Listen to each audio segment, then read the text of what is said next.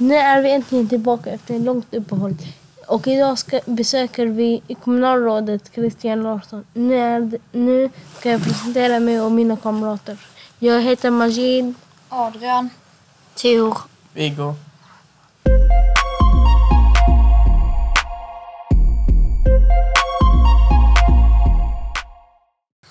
Vad gör ni på kommunalrådet? Mm, det det är en bra fråga. Om, om man vänder på den där frågan lite så är, är den funktion jag har, det är kommunalrådet. Och jag är kommunstyrelsens ordförande. Det innebär att det är en person som är ett kommunalråd i den här kommunen. Och i det här fallet då så har kommunalrådet en uppgift som kommunstyrelsens ordförande. Och jag vet inte om ni vet vad kommunstyrelsen är. Men det är 11 personer. Det är ju val i höst, 11 september. Och då väljer man ju bland annat i kommunen vilka människor man vill ska sitta på, på politiska uppdrag. Och detta är ett politiskt uppdrag att vara kommunalråd. Så jag, har, jag är inte anställd i Örkelljunga kommun utan jag har ett förtroendeuppdrag, heter det, utifrån valet. Och jag, jag har en plats för, för Moderaterna. Okej. Det är nog det korta svaret. Sen kanske inte det egentligen svarar på vad ett kommunalråd gör. Men jag har ett övergripande ansvar med kommunstyrelsen för hela kommunen. För skolor, för vägar, för de gamla på äldreboende. Allt egentligen som, som en kommun gör sitter kommunstyrelsen till slut och har ett övergripande ansvar. Tänker lite som att jag är som er rektor. Ja. Det är lite ett kommunalråds uppgift. Mm. Vilka arbetstider har ni? Man har ingen arbetstid. I, I det här uppdraget förväntas jag att man ska vara tillgänglig i alla fall på telefon och liknande alla dagar i veckan. Och egentligen alla dygnets timmar. Sen såklart så, så ringer man inte mig mitt i natten om inte det är kris någonstans. Men man, man har ingen arbetstid 8 till 5 som kanske en normal arbetare utan jag ska vara, jag ska vara tillgänglig alltid om det behövs. Hur länge har du jobbat på kommunalrådet? Eh, sen förra valet. Det innebär att när man hade valet 2018 på hösten där så bestämde man vem som skulle sitta som kommunalråd eh, i oktober på ett möte. Och 1 januari 2019 klev jag in. Och om inget eh, oförutsett händer så har jag egentligen detta året ut. Och beroende på valet så kan någon annan hamna på den här platsen än jag. För man väljer ju var fjärde år vilka partier och människor man vill ska företräda politiskt. Så att eh, tre år.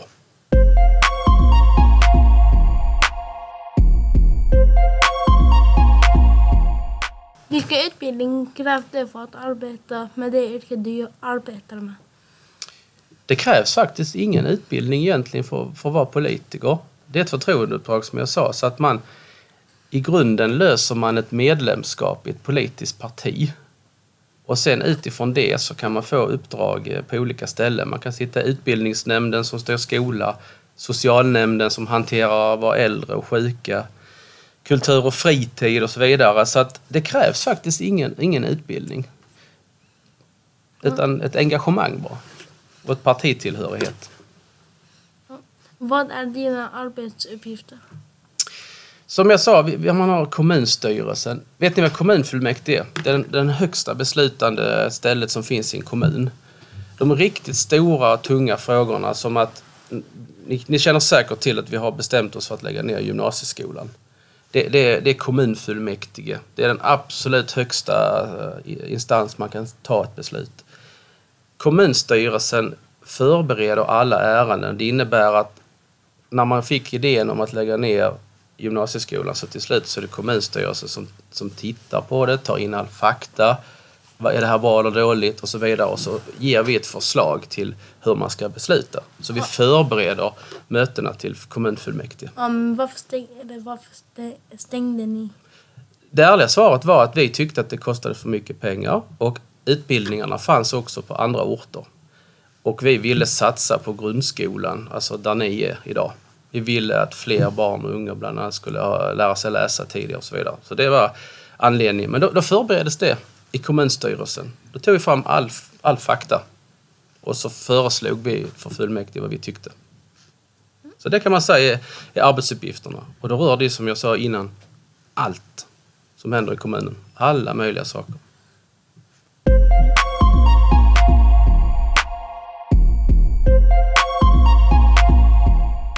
Hur många jobbar inom kommunen?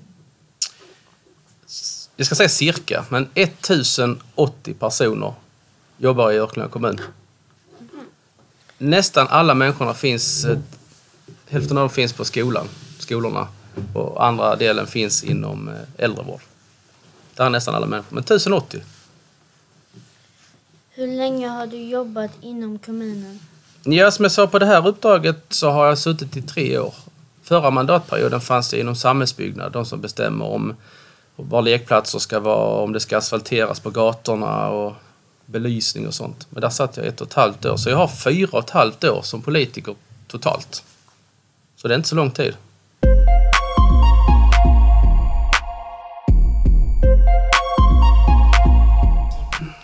Hur mycket tjänar man om man är en politiker? Det är väldigt olika. Men allting utgår ifrån vad kommunalrådet har i ersättning i den här kommunen. Så jag har en lön som kallas inkomstbasbelopp. Det bestäms eh, från något som heter SKR. Eh, och det är bara att vara ärlig. 71 000 kronor i månaden har jag. Och sen har alla politiker procentuellt på det.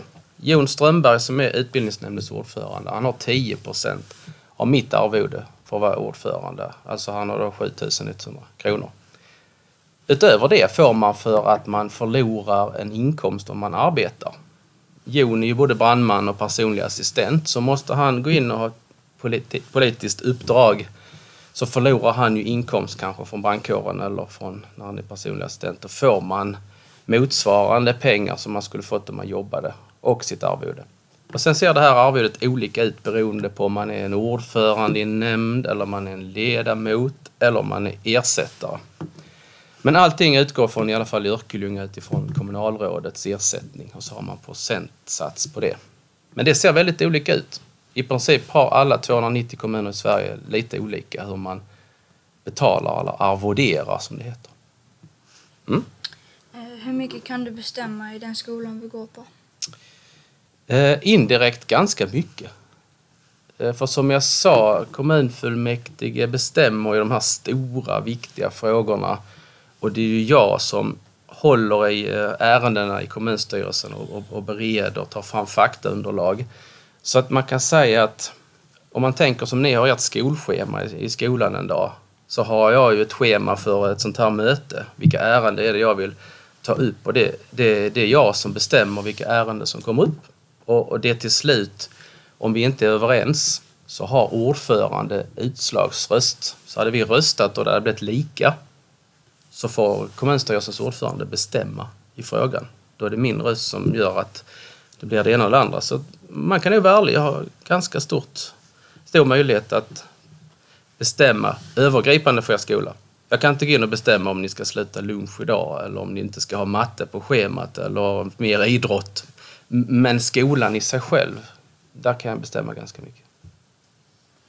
Eh, varför har ni inte lamporna tända på fotbollsplanen allmänt och inte bara när det är träningar? Det var en bra fråga. Det enkla svaret är ju egentligen så här att dels kostar det pengar att ha igång de här lamporna. Det är ganska mycket ström och el till dem kostar ganska mycket. Och sen är det också en annan sak. Det är de som bor runt omkring. Det lyser rakt in i ganska många hus. Och, och då får vi inte lov att ha tänt dem när som helst utan då tänds de när föreningarna är där eller någon typ av aktivitet. Så att ekonomi och inte störa grannarna heller att ha tänt jämt. Tack Christian för att vi fick komma. Har du något mer att tillägga? Ja men det, det har jag ju när ni ändå är här. Dels är jag jätteglad att ni vill komma hit. Jag tyckte det var jättebra frågor ni ställer. Eh, och följdfrågor också.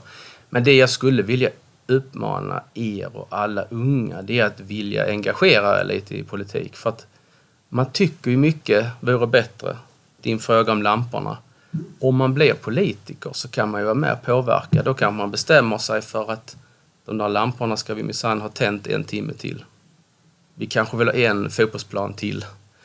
Så att man har en jättemöjlighet som politiker att påverka vad man har för möjligheter i en kommun. Så jag, jag skulle skicka en passning när ni blir lite äldre att fundera och Örklinge har faktiskt något som heter ett ungdomsråd. Jag kommer inte ihåg om det är från sjätte, sjunde klass man får lov att vara med där. Men det ungdomsrådet, där skickar jag riktiga ärenden som jag har. Och så får de berätta för mig vad de tycker att jag ska besluta. Så det skickar jag med. Ungdomsrådet och eh, tänk i framtiden, vill ni påverka så gå med i ett parti. Det är mitt medskick.